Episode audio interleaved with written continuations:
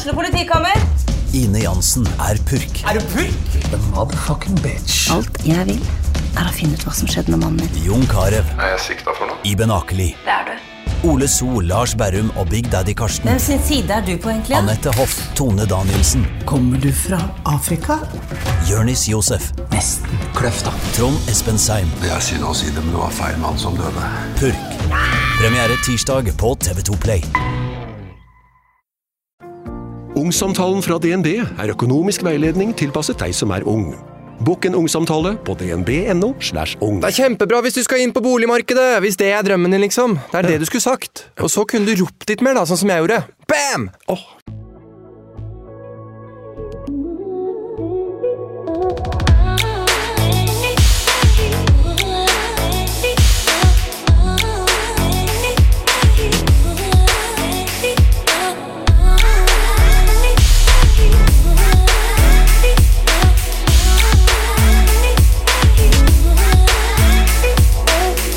I dag treffer jeg June Holm. June er grunnlegger av eh, Vi tror deg-stiftelsen. Stiftelsen som står sammen mot voldtekt, seksuelle overgrep og seksuelle trakasseringer. Vi tror deg ønsker å ivareta, forebygge, avdekke, belyse og styrke rettssikkerheten. 18. oktober 2009 blir June overfalt på vei hjem fra byen og voldtatt på hybelen sin. 22. desember samme år ble hun voldtatt mens hun sov på et nachspiel. Første sak ble henlagt pga. ukjent gjerningsmann, mens det i sistnevnte sak falt dom mot voldtektsmannen, som var en del av eh, bekjentskapskretsen til tenåringen June. Du skal få høre June sin historie i neste episode av Sykt ærlig med Martine. For i dag skal vi snakke om viktigheten av å bli trodd, hvordan det er å jobbe med voldtekt, og hvordan man kan få hjelp. Og én ting er sikkert, og det er at alle som opplever voldtekt og seksuelle overgrep, fortjener å bli trodd. Vi tror deg, stiftelsen, og jeg tror deg.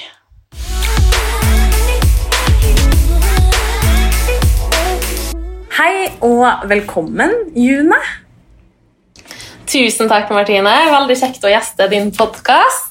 Det er veldig veldig hyggelig at du har eh, lyst til å være med, og ikke minst eh, viktig. Fordi du er jo en eh, veldig veldig viktig person for veldig mange, og driver en stiftelse som er enormt viktig.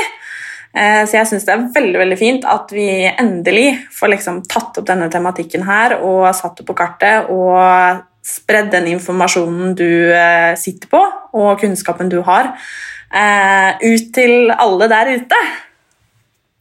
Ja, jeg er helt enig, for det er jo dessverre sånn at det blir begått altfor mange overgrep, og hvert overgrep er ett overgrep for masse. så jo mer han på en måte kan snakke om det, jo mer føler jeg at han kanskje kan forebygge det og hindre at flere blir utsatt. Så det er blitt virkelig en hjertesak og liksom en misjon i livet å kunne bidra til at andre som er utsatt, kan få det bedre, og ikke minst spre informasjon om tematikken.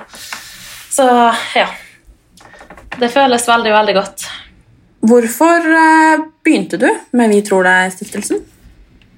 Ja, eh, jeg ble jo utsatt for to voldtekter på veldig kort tid i 2009. Da var jeg 18 år. Eh, først så ble jeg utsatt for en overfallsvoldtekt på vei hjem fra byen. Og to måneder etter så ble jeg utsatt for en sovevoldtekt, der det òg ble tatt bilde av meg og spredt ja, Jeg hadde ingen kontroll egentlig på hvem som fikk de bildene. Og i det her så følte jeg meg veldig alene. Jeg visste ikke om noen andre som var utsatt for voldtekt, og eh, visste heller ikke hvordan jeg skulle gå fram for å få hjelp. Um,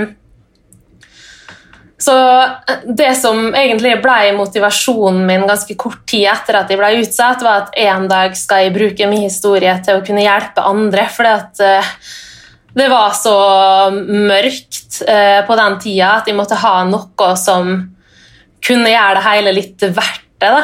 Eh, og jeg følte at jeg fikk litt motivasjon til å stå opp hver dag, med å vite at ja, men kanskje jeg kan være den personen for noen som jeg sjøl savner nå. Man sier jo det at eh, hva er det, én av ti norske kvinner eh, har blitt utsatt for et overgrep, eh, og at eh, mørketallene antageligvis er ganske store. Eh, Hva tror du om Og disse en tallene? av ja, eh, Ikke bare at én av ti kvinner er utsatt for voldtekt, men én av tre kvinner er utsatt for seksuelle overgrep òg. Og det er så høye tall, i tillegg til mørketall, som du sier. Eh, og det forteller jo bare at eh, det her er noe som det i mye større grad må snakkes om. Det trengs å belyses. Altså, jeg håper jo det at det har jo heldigvis kommet et langt steg nå enn hvor vi var for ti år siden når jeg var utsatt. Altså, nå har, har flere barnehager begynt å snakke om det her. Eh, eh, det blir tatt inn i skolen i større grad. Altså, jeg har holdt flere foredrag på både ungdomsskoler og videregående. Eh, I tillegg til at det er større åpenhet i samfunnet, media eh, dekker det mer enn hva de gjorde for ti år siden. Så jeg føler jo at det har vært veldig viktig. At eh, det er fortsatt selvfølgelig en del skam og skyld knytta til det, men jeg føler i hvert fall at det er med på å plassere ansvaret mer der det hører hjemme. Da. Og at eh, det blir mer uakseptabelt å høre f.eks. at eh, jenta gikk kledd sånn og sånn, hun drakk seg så og så full, så derfor fortjente hun det. Altså, sånne ting hører jeg mye sjeldnere nå enn hva jeg gjør for ti år siden. Jeg håper at det ikke bare er min oppfattelse, men en faktisk realitet. da. Så ja, jeg bare tenker Han kan ikke få snakka nok om det, så han må tørre å ta praten med vennene sine, med familien. og Hvis han er bekymra for noen, så spør heller en gang for mye enn for lite. Da. Det er så ufattelig viktig, for det kan faktisk, den praten kan faktisk redde livet til, til flere. Da. Du sa jo det at eh, når dette skjedde deg, at du på en måte ikke visste om noen andre og følte deg veldig veldig alene. Eh, og Hvorfor tror du at noe som på en måte dessverre er så forbanna normalt, liksom, uansett hvor hårreisende det er, eh, at det er så liksom tabu og så mye skam knytta til det? Åh, ja, det har jeg spurt meg sjøl om så mange ganger. Eh, og um, ja, jeg tenker jo i hvert fall En stor grunn til det var at det aldri hadde vært et tema på skolen. altså Det var aldri sånn at helsesøster kom inn i klasserommet og snakka om det. Venninnen hadde aldri tatt en prat rundt det. og og heller ikke familien. Og hvis de las om det i media, så følte jeg at det var det skjedde i en mørk bakgate i en storby. Ikke at det kunne skje på den lille, trygge plassen som jeg bodde i. Jeg følte at det jeg hadde lest om det, og det jeg leste om det i etterkant, skremte meg mer vekk. For det var som at uh, Jeg ville heller late som at det ikke hadde skjedd, enn at det hadde skjedd. Fordi at det som sto om det uh, Ja, han ville bare fjerne seg fra det han var blitt utsatt for. Eh, men så innså jeg jo det at det var jo en helt feil måte for meg å håndtere det. Jeg måtte jo få profesjonell hjelp for å kunne klare å ha en normal hverdag igjen, for at livet ble jo snudd opp ned etter natta. Livet ble snudd opp ned over natta. Um, men ja, eh, hvorfor det knytta en del skam og skyld rundt det ehm, Det er jo òg gjerne fordi at eh, i hvert fall kvinner da, får høre at ehm, eh, ja, man blir objektivisert veldig mye, f.eks. Uh, får høre sånn og sånn skal du ikke være', sånn og sånn skal du ikke gå kledd'. Eh, kanskje bare hvis vi er hyggelige, så får vi høre at vi flørter og, og ba om seksuell trakassering. Og sånn er det jo ikke. Det er jo aldri, aldri den som er utsatt sin feil. Så det fins en del sånn farlige fordommer og holdninger der ute som trengs å viskes bort. da. Eh, og det fins en del myter som trengs å bli erstatta med fakta. Nå skal jeg stille deg et spørsmål jeg har lurt på så mange ganger, og som du sikkert ikke har noe godt svar på, du heller. Men Jeg tenker du som jobber med det her, hvorfor i helvete blir det begått så mange overgrep og voldtekter? Eh, dessverre så tror jeg veldig mange som eh, utsetter eh, noen andre for overgrep, ikke er bevisst over det sjøl. De er for masse i eget hode og tenker ikke over at de går over grensa før de kanskje i ettertid blir konfrontert med det. Da. Men da er det jo allerede for seint. Så det handler jo om at en Altså, Jeg er så for en samtykkelov, da, for da tror jeg at mange overgrep hadde vært forhindra, og igjen at det hadde blitt med å forflytte ansvaret over til eh, personen det hører hjemme hos, nemlig hos overgriper. Så hvis en er i tvil om en person vil ha sex med han, altså Det skal ikke være noe tvil. Han må spørre en gang for masse enn for lite. da, altså eh, jeg syns det er så fint på de seriene og sånn jeg har sett nå i nyere tid, der eh, gutt eller mann eh, spør er du sikker på at du ønsker det her. Og da skal det ikke være kanskje eller trekke på skuldra. Altså, da skal personen klart og tydelig si ja. Du skal aldri være i tvil da, om noen vil ha sex med deg. Så jeg tenker jo det at hvis vi hadde lært oss å snakke mer om grenser, eh, både egne grenser og andres grenser, så tror jeg at det kunne blitt mye mer bevissthet rundt det her, og at en eh, ikke hadde gått over grensa til noen andre. Da. Så jeg tror det handler mye om det, at en må faktisk eh, Altså eh, Man sier jo det at eh, menn kan ha veldig stor eh, seksualdrift. Jeg skal ikke si at eh, sånn trenger det ikke være for alle, selvfølgelig, men hvis noen føler på det, da, så skal en jo aldri la det eh, gå utover noen andre. Altså Hvis en person er for full eller ligger og sover, så skal du aldri bare ta det til rette med den personen. Da går du heller en tur på do sjøl altså, og tar det av deg. Ikke la det gå utover noen som er helt, helt uskyldig, uskyldig og ikke kan gjøre noe for å motstå handlinga. Mm. Åh, ja, jeg kjenner jeg blir åh, Ja. Jeg blir så sint når jeg snakker om det. fordi det er bare sånn Han kan liksom ikke skjønne at det skjer, men dessverre så skjer det i aller, aller høyeste grad. Jeg syns eh, jeg jeg blir så oppgitt og så lei meg og så sint, og at det skjer i både liksom både i liksom egne hjem, men også liksom av helt fremmede, men også i vennegjengen, og at det på en måte er er så vanlig. og det er sånn, Når jeg hører disse tallene, så blir jeg liksom sittende og tenke på hvor mange jeg egentlig kjenner, og hvor, mange, eller hvor få jeg vet om. Um, og det river jo hjertet mitt å tenke på hvor mange som antageligvis går og bærer på den skammen her helt liksom alene. Og disse følelsene og tankene og denne opplevelsen. Eller opplevelsene. Det er um, Nei, jeg har ikke ord. Ja, sant. Og så er det jo òg at mange ikke er klar over at de blir utsatt, fordi at de tenker at ja, men min ektefelle er jo ikke i stand til å utsette han for overgrep, men så blir det jo overgrep hvis han blir tvunget eller får beskjed om at jo, men vi er jo gift, så da, da skal du utføre de og de handlingen med meg eller sammen med meg. Og det er jo bare helt eh, Sånn skal det ikke være. Altså, Selv om man er gift, så, så skal han alltid eie og ha kontroll over egen kropp. da.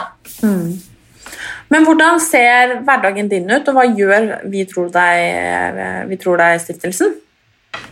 Ja, eh, I fjor eh, så laga jeg jo en podkast som heter Vi tror deg, samme som stiftelsen. Og i år så skal jeg òg lage en ny sesong. Um, så det er jo et helseprosjekt da, for å forebygge og ikke minst hjelpe utsatte og pårørende. Jeg ser på det som en effektiv kanal for å nå ut til flere. I tillegg så har det vært digitale samtaler og ikke minst støtte, eh, råd og veiledning gjennom sosiale medier. Um, så legger jeg ut en del der. Og så syns jeg holder foredrag, Reise reiser rundt og gjør det. Um, så det er jo egentlig ingen lik hverdag, men jeg um, ja, ønsker å jobbe mest med prosjekt rundt det der, for at jeg ser at uh, det mangler egentlig en del prosjekt om det her. Altså, vi har jo fantastiske Dixie ressurssenter og Nok Norge, som har veiledning, gratis lavterskeltilbud som man kan komme for å, å møte, opp sam, møte, opp for å ha samtale og oppfølging, gruppe, gruppesamtaler.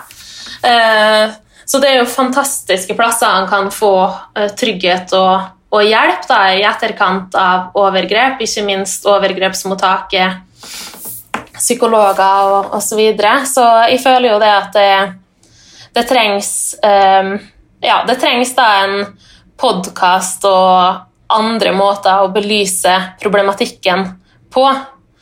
Uh, så det er i hovedsak det jeg ønsker å jobbe med, men uh, selvfølgelig uh, Og sosiale medier, da, for der kan han jo nå ut til mange. altså at mange får med seg ett og samme budskap. ja, så nå så er det i hovedsak eh, podkast, oppfølging på sosiale medier, og så holder på med eh, en reklamefilm om stiftelsen òg som skal komme. Mm. Hvor mange møter du og kommuniserer du med? Prater du, treffer du, eh, som eh, behøver noen å prate med, eller som har vært utsatt? Oi, ja, det er jo veldig mange. Eh, nå tok jeg en beregning på det siste halvåret i altså 2020, da, et halvår. Da var det 727 henvendelser, så det er jo Ja, på et halvår. Så det sier jo litt. Og da har jeg ikke gått gjennom mine private engang. Som kommer, for det er jo noen som henvender seg direkte til meg. Så det er ekstremt mange som eh, tar kontakt og ønsker noen å snakke med. Og han vil jo så gjerne som enkeltperson følge opp alle, eh, men det blir jo veldig vanskelig når det er så mange, så heldigvis så har jeg jo andre med meg og kan henvise da til eh, Dixie ressurssenter og Nok Norge. For de som eh, trenger ja, videre oppfølging, men selvfølgelig svarer på alle henvendelser på sosiale medier og sånn òg, da. Mm. Det er jo noe som er veldig alvorlig, noe som er veldig tungt. Kjenner du noen gang at på en måte nå er det liksom nok? Uh, uh altså, jeg har blitt mye flinkere med åra og tenker at nå skal jeg sette meg ned, og så avslutter jeg på det og det tidspunktet. For han kan på en måte ikke ha det med seg fra han står opp om morgenen til han legger seg på kvelden. Eller det har jeg gjort. Eh, en, altså vært tilgjengelig hele tida. Men det er jo lett å bli utbrent i en sånn situasjon, og det har jeg blitt så tidligere, da. Så nå, nå eh, altså, Det er jo så viktig for meg, og det gir meg masse å vite at jeg kan hjelpe andre. Så jeg tenker at det er verdt det, men jeg må selvfølgelig begrense det litt og eh, ja, kjenne på det sjøl at eh, nå passer det seg å sette seg ned noen timer med det, og så selvfølgelig ikke gjøre at, dette, at livet kun består av det her. Fordi mm. at eh, mm. Stiftelsen heter jo Vi tror deg. Eh. Hvor kommer det, det, navnet fra? Hva er liksom bakgrunnen for det? Ja, eh, jeg tror jo det er noe av det aller viktigste å høre for deg som er utsatt. At, det, at en blir trudd. Da. Fordi at jeg kjente jo veldig på sjøl når jeg gikk gjennom da, fire rettssaker. At eh, det var jo det aller viktigste for meg å føle at jeg blei trudd. Um, ja, fordi at um, han skal jo på aldri noe som helst tidspunkt føle at det er en sjøl som er skyld i det som skjedde, eller at det var han sjøl som la opp til det. Så ja, jeg syns det er de tre viktigste ordene han kan høre hvis han er utsatt for noe sånt. Så, og etter da Hemsedal-saken så var det jo tre ord som gikk igjen da for å støtte Andrea. Så å kunne ta de ordene videre eh, til alle andre som er utsatt, opplever at han kanskje ikke er trodd av alle, så skal han i hvert fall vite at vi tror deg, stiftelsen tror deg. Og jeg. Ja, det er bra. Eh, og så lurer jeg, for Man snakker jo veldig ofte, og det opplever jeg veldig ofte, at når man snakker om eh, voldtekt og overgrep, eh, så gjelder det gjerne liksom at eh, mann er, eh, er voldtektsmann, og, og kvinne er på en måte eh, offer. Eh, og det blir jo også påpekt også. Eh, man vet jo at statistisk sett så er det, er det ikke noe å lure på engang. Eh, men eh, man vet jo også at det er menn som blir utsatt for dette her.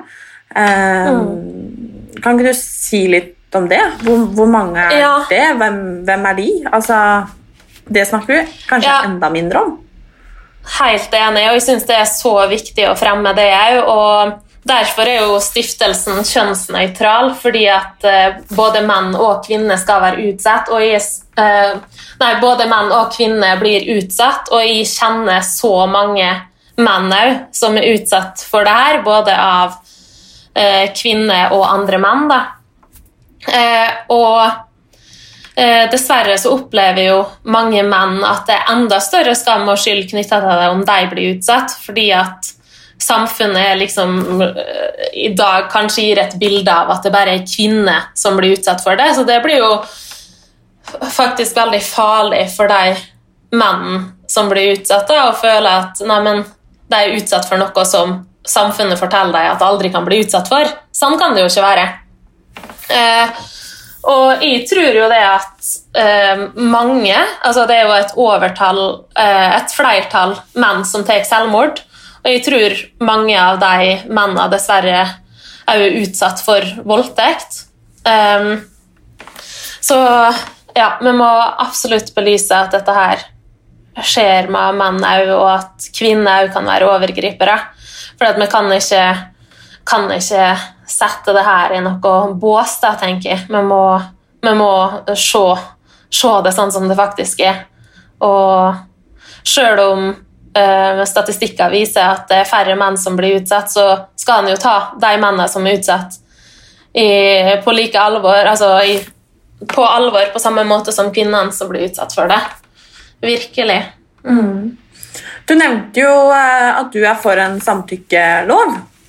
Eh, Kan ikke du eh, For det blir jo liksom diskutert. Skal man ha det, skal man ikke ha det? Eh, er man for eller imot? Eh, jeg personlig er for. Eh, og Kan ikke du fortelle kort hva det liksom egentlig handler om, og hvorfor du eh, som jobber så tett på dette her Du nevnte det jo litt, men hvorfor det er så viktig? Ja, jeg mener jo at det i dag finnes den type voldtekt som dessverre er lovlig. Fordi at hvis den ikke eh, sover eller er ute av stand til å motsette seg handlinger, eller hvis den ikke blir utsatt for vold, så altså, Hvis det skjer en voldtekt da, der eh, en, den ene parten sier nei, eh, og um, voldtekta da, Jeg vil jo si voldtekt, da, eh, likevel skjer, så er det ikke straffbart.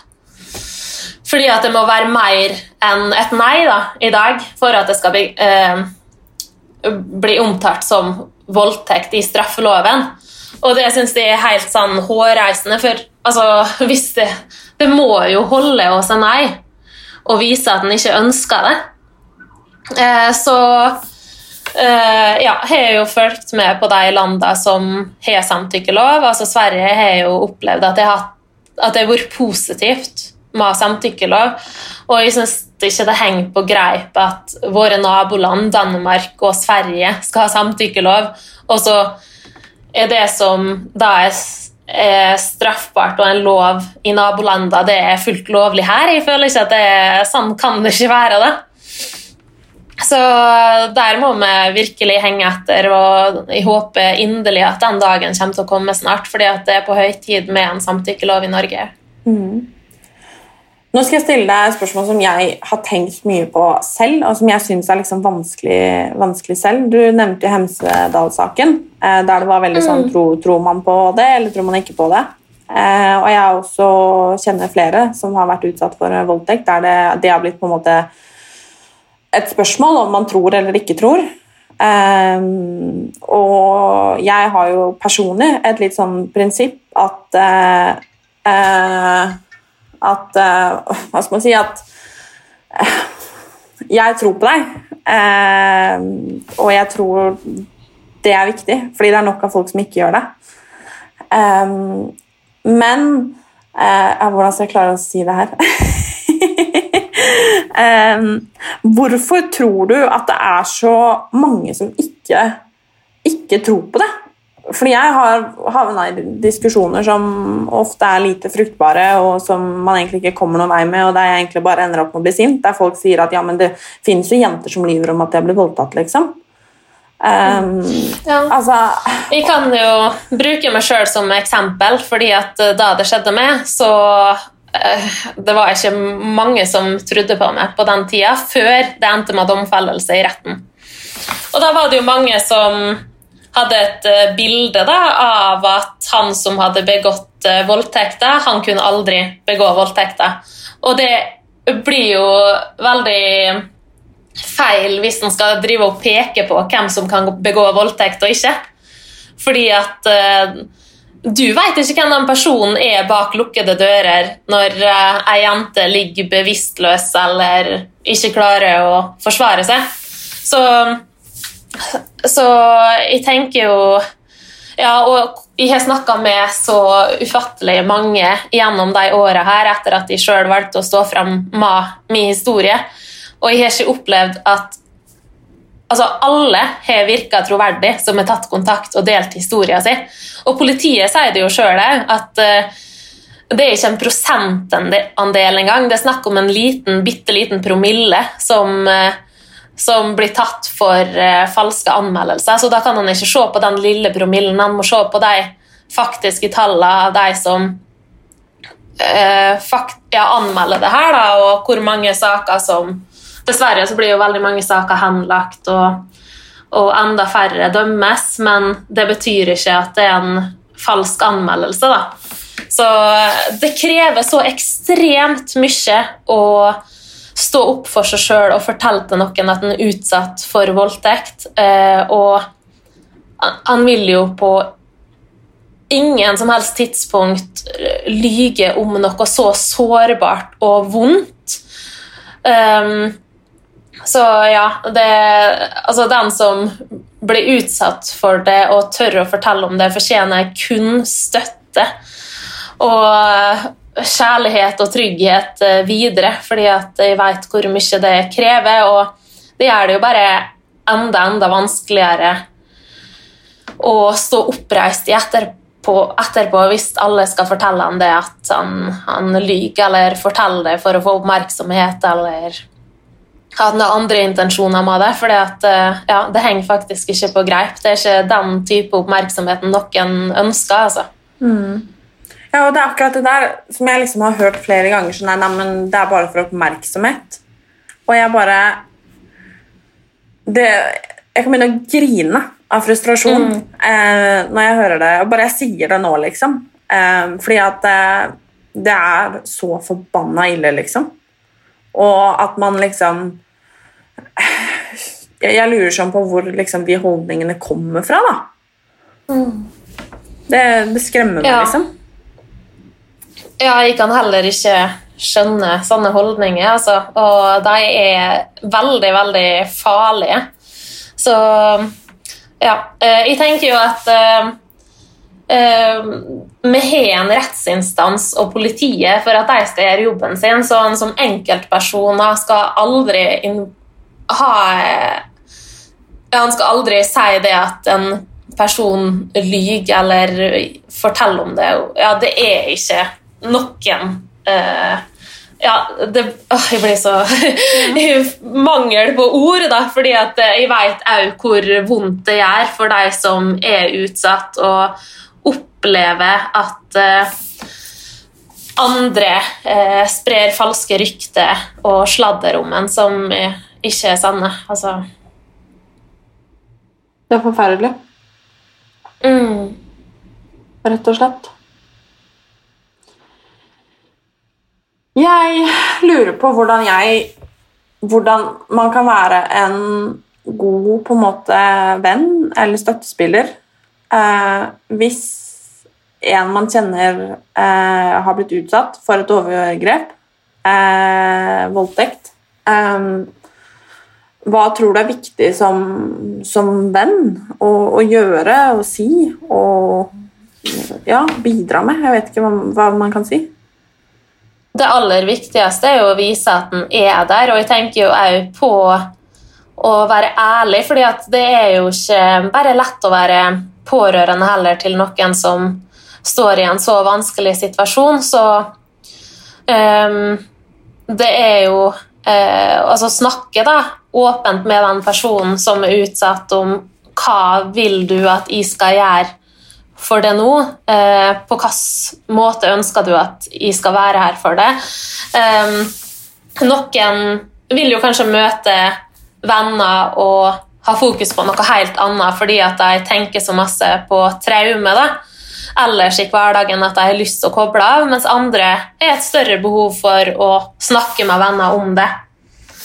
Eh, så å ha en åpen dialog om det, ikke være redd for å spørre, vise at en bryr seg. Altså, jeg husker bare sånn når jeg fikk melding med et hjerte på av eh, venner, så bare betydde det så masse. fordi at uh, de trengte ikke alltid å skrive lange avhandlinger om hvor, at jeg var her for meg. og sånn. Det var bare å vite det at uh, du er her, og, og nå uh, sender du dette hjertet her til meg fordi at du bryr, bryr deg. Det betyr så mye. så eh, det egentlig det dummeste en kan gjøre, er jo å trekke seg helt unna. fordi at eh, da føler den som er utsatt, at den mister enda mer enn hva den allerede har gjort. Så bare vis at du er der, og, og spør hva vennen din ønsker at du skal gjøre for en. Så da har en absolutt gjort alt det retten kan gjøre. Og så må han jo passe på at han ikke blir en, uh, en fagperson òg, med mindre han kanskje har den utdanninga. Uh, fordi at vi har fagpersonell um, som er kvalifisert til å hjelpe og gi veiledning og rådføre på veien videre og ta tak i traume. Eh, så han må passe på sånn at han ikke ilegger seg sjøl for stort ansvar, for da kan han jo brennes ut som venn òg, da. Mm. Så ja. Han må først ta vare på seg sjøl før han kan ta vare på, på andre. Mm. Jeg synes Det er fint at du sier det der med bare å sende det hjertet. For jeg tror at ja. uavhengig hva noen av de vi kjenner går gjennom, så tror jeg at det er veldig lett, og at veldig mange tenker at man ikke vet hva man skal si, eller at man er redd for å si noe feil, at man til syvende og sist ender opp med å ikke si noe som helst. Um, og da er det liksom sikkert greit å vite at det holder faktisk å sende et hjerte. Um, at du bare viser at 'hei, jeg er her faktisk', eller jeg, jeg vet', liksom. Eller 'jeg ser deg', eller jeg tror deg. Uh, ja. uh, den viktigheten av det. Fordi at uh, jeg vet i hvert fall med meg selv også, at det verste er når folk ikke sier noe som helst. Um, mm. At det er mye bedre at de, de, sier noe feil enn at de ikke sier noe. Man får ikke sagt noe feil heller. Eh, så det syns jeg er veldig fint at du sier. Og jeg tror at det er veldig mange som eh, kan sitte av og til og liksom Altså eller at det er mange som lurer på om noe av det de har liksom gått gjennom, opplevd seksuelt, eh, som de kanskje har en litt sånn kjip følelse knytta til, hva det egentlig var. Eh, at det er mange mm. som lurer på om ok, har jeg, har jeg egentlig blitt utsatt for et overgrep? Eh, fordi at ting ikke føltes sånn som det kanskje burde og skal. Eh, og om man lurer på det, eller man har blitt utsatt for det og vet at dette her var eh, ikke bra. Hva gjør man da? Ja, for det var jo akkurat det samme. Altså, jeg var jo i komatøs tilstand da jeg ble utsatt for sovevoldtekter. Så når jeg våkna, så visste jeg jo ikke hva jeg var utsatt for. Jeg hadde jo bare en følelse av at her er det skjedd noe mot min vilje som ikke jeg kunne vært med på. Så jeg tenkte at um, Jeg sa det når jeg kom til overgrepsmottaket, at jeg vet ikke om jeg er blitt utsatt for en voldtekt, men jeg tror det, så jeg har veldig lyst til at dere skal ta alle nødvendige undersøkelser hvis det er tilfellet at de er utsatt. Og så kom jo selvfølgelig de òg med en del eh, råd, og eh, overgrepsmottaket anbefaler en jo eh, til å oppsøke dem hvis en er i tvil eller vil forhøre seg da, om det han er utsatt for, kan ha vært en voldtekt.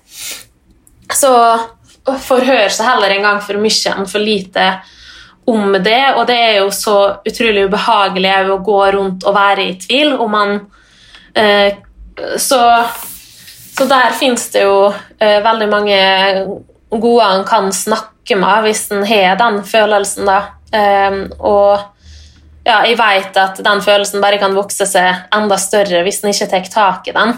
Så ta tak i den så fort en kan, og snakk med noen om det. fordi at hvis du er i tvil, så er det ikke sikkert at du kommer til å, å finne ut av det på egen hånd. Det kan godt hende tvilen bare vokser større, men hvis du åpner opp og, og tør å dele det her med noen, så tror jeg at du kan få sortert tankene og føle at det er en lettelse i etterkant. Mm.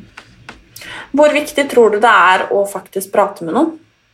Å ja. ja, det tror jeg har alt å si. Virkelig. Det er ikke i tvil engang. Altså, jeg gikk i ti dager der jeg tenkte at jeg skulle bare holde det her for meg sjøl og aldri dele det med noen. Og for hver dag så bare vokste alt det vonde seg enda større.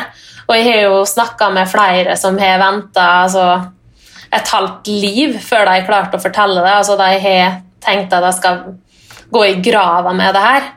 Men så eh, Ja, har de jo eh, Har de heldigvis klart å fortelle det til slutt. Så jeg, jeg, det er jo Altså, hvis en skal føle seg på en måte heil igjen eller komme videre i en helingsprosess, så er jo det det første steget til å få det bedre å fortelle det til noen. Og hvis den du da møter, for, sier det at 'dette her skal du ikke snakke om', 'det her tar du aldri opp igjen', så er ikke det rette personen å gå til. Da skal du i hvert fall gå til noen andre og snakke om det. Um, så ja, jeg, jeg, er helt sikker på at uh, Jeg skulle ønske egentlig at jeg de åra jeg trodde at nå uh, er jeg ferdig behandla, eller nå er ja, jeg, har på en måte prøvd å skubbe det ofte under teppet og tenkt at nå er jeg ferdig med behandling for en stund. Og så har det jo kommet tilbake fordi at nei, eh, jeg trengte mer bearbeidelse og jeg trengte mer terapi. Så, så ja, heller gå en runde for masse enn for lite med å oppsøke hjelp, fordi at eh, det vil komme tilbake til han før eller seinere hvis han ikke tar tak i det. Mm. Noe sier meg eh, dessverre at det er veldig mange som sliter med å finne den styrken eh, til å fortelle det, eller til å gå og søke hjelp, eh, eller mm. i det mm. hele tatt anmelde, gå til sak. Eh, for dette krever eh, enormt mye, og da lurer jeg på hvor Hva kan man gjøre eh, for å finne den styrken? Ja, jeg veit jo at det kan være Ja, det vet jeg egentlig alt om. Det er kjempevanskelig. Um, og det kan òg kanskje bli enda vanskeligere til lenger han holder det inni seg. Men uh, for min del så hjalp det jo i hvert fall å begynne å skrive det ned først for meg sjøl.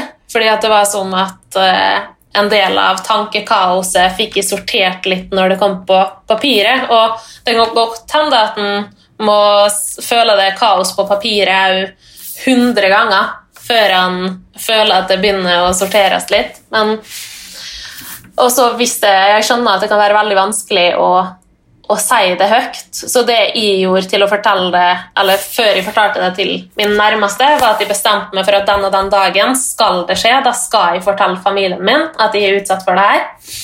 Så jeg sendte en melding da, til foreldrene mine om at møt meg der og der.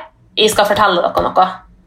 Så da har jeg på en måte allerede sagt A, og de visste at at jeg skulle fortelle noe, og de skjønte jo da at det her mest sannsynlig ikke var noe At det var noe som lå langt inne for meg og var vanskelig. da.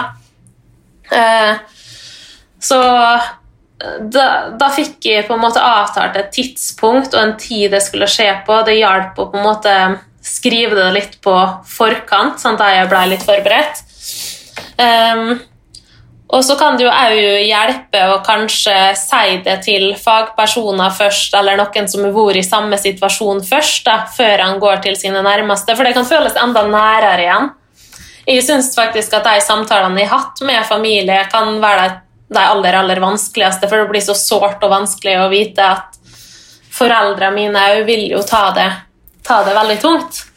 Så jeg snakka jo da med eh, psykolog før jeg snakka med mine, mine, foreldre, så det kan jo være et tips å, å ta kontakt eh, med noen utenforforstående da, først. Mm. Og at eh, det hjelper å ha sagt det én gang. Det blir lettere for hver gang han sier det. da. Opplever jeg det, i hvert fall. Mm. Og det tror jeg veldig mange vil være enig i. Og så er det jo veldig fint å vite at man har eh, sånne som eh, dere og Vi tror det er mm. stiftelsen mm. i ryggen. Mm. Og at Ja, virkelig. Så hvis noen ikke har sagt det til noen, så er det bare å sende en melding til Vi tror det er stiftelsen, så så skal vi få en dialog rundt det og vil veldig gjerne gi råd og oppfølging i den prosessen der. Altså, for jeg heier virkelig på at en ikke skal gå og bære dette alene fordi at det blir så tungt. Altså, den ryggsekken den, den blir ekstremt tung med tida. Da. For hver dag og måned og år som går, til tyngre vil det være å bære det. Mm. Og vi kan jo være enige om det, June, at eh, selv om man føler seg som det eneste mennesket i hele verden og mest alene i hele verden, så er man alt annet enn alene.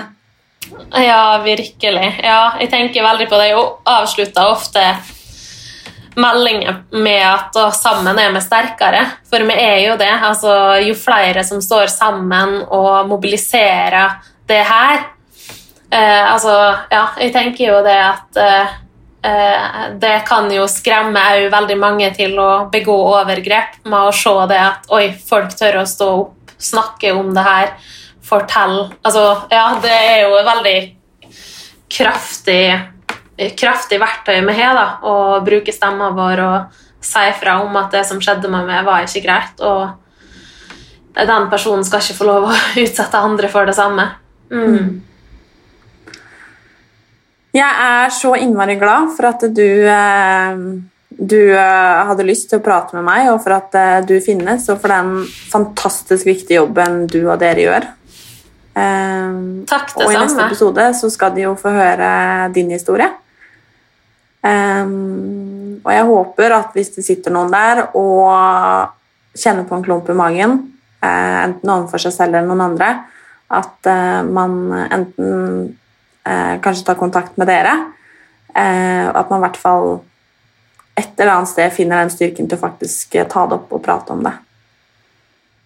Ja, det håper jeg virkelig. Ikke nøl med å ta kontakt. Altså, det føles bare godt å hjelpe, og det var jo det jeg sa første gangen jeg delte historien min offentlig, at hvis historien min bare kan hjelpe én person, så vil det være verdt det. Og det står jeg virkelig fortsatt ved, altså. Eh, jeg vil veldig gjerne være her og veilede og rådføre videre. Fordi ingen fortjener å føle seg alene med det. Han er ikke alene med det. Mm. Og vi tror deg. Og ja, virkelig, vi tror deg, altså. Det Ja. Det betyr masse for meg å høre de orda fortsatt en dag i dag. Tusen takk, June. Tusen takk, Martine.